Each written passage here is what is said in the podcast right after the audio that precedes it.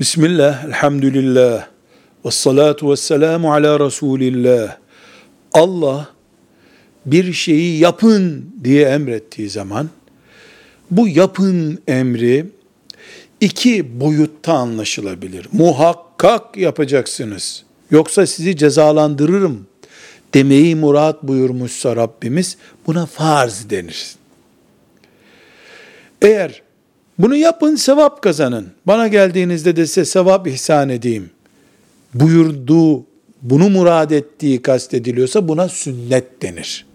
Kesin emirlere farz, Allahu Teala'nın bizi serbest bıraktığı, sevap istiyorsanız yapın demeye getirdiği şeylere sünnet diyoruz. Vacip bir tür farz demektir.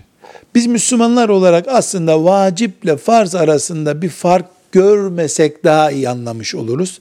Peki neye, neden kullanılıyor? Hanefi mezhebi alimleri farzı bir puan düşürüp yine mecbur ama bir puan düşürüp allah Teala'nın emrinin ağırlığı itibariyle bize bunu tanıtıyorlar.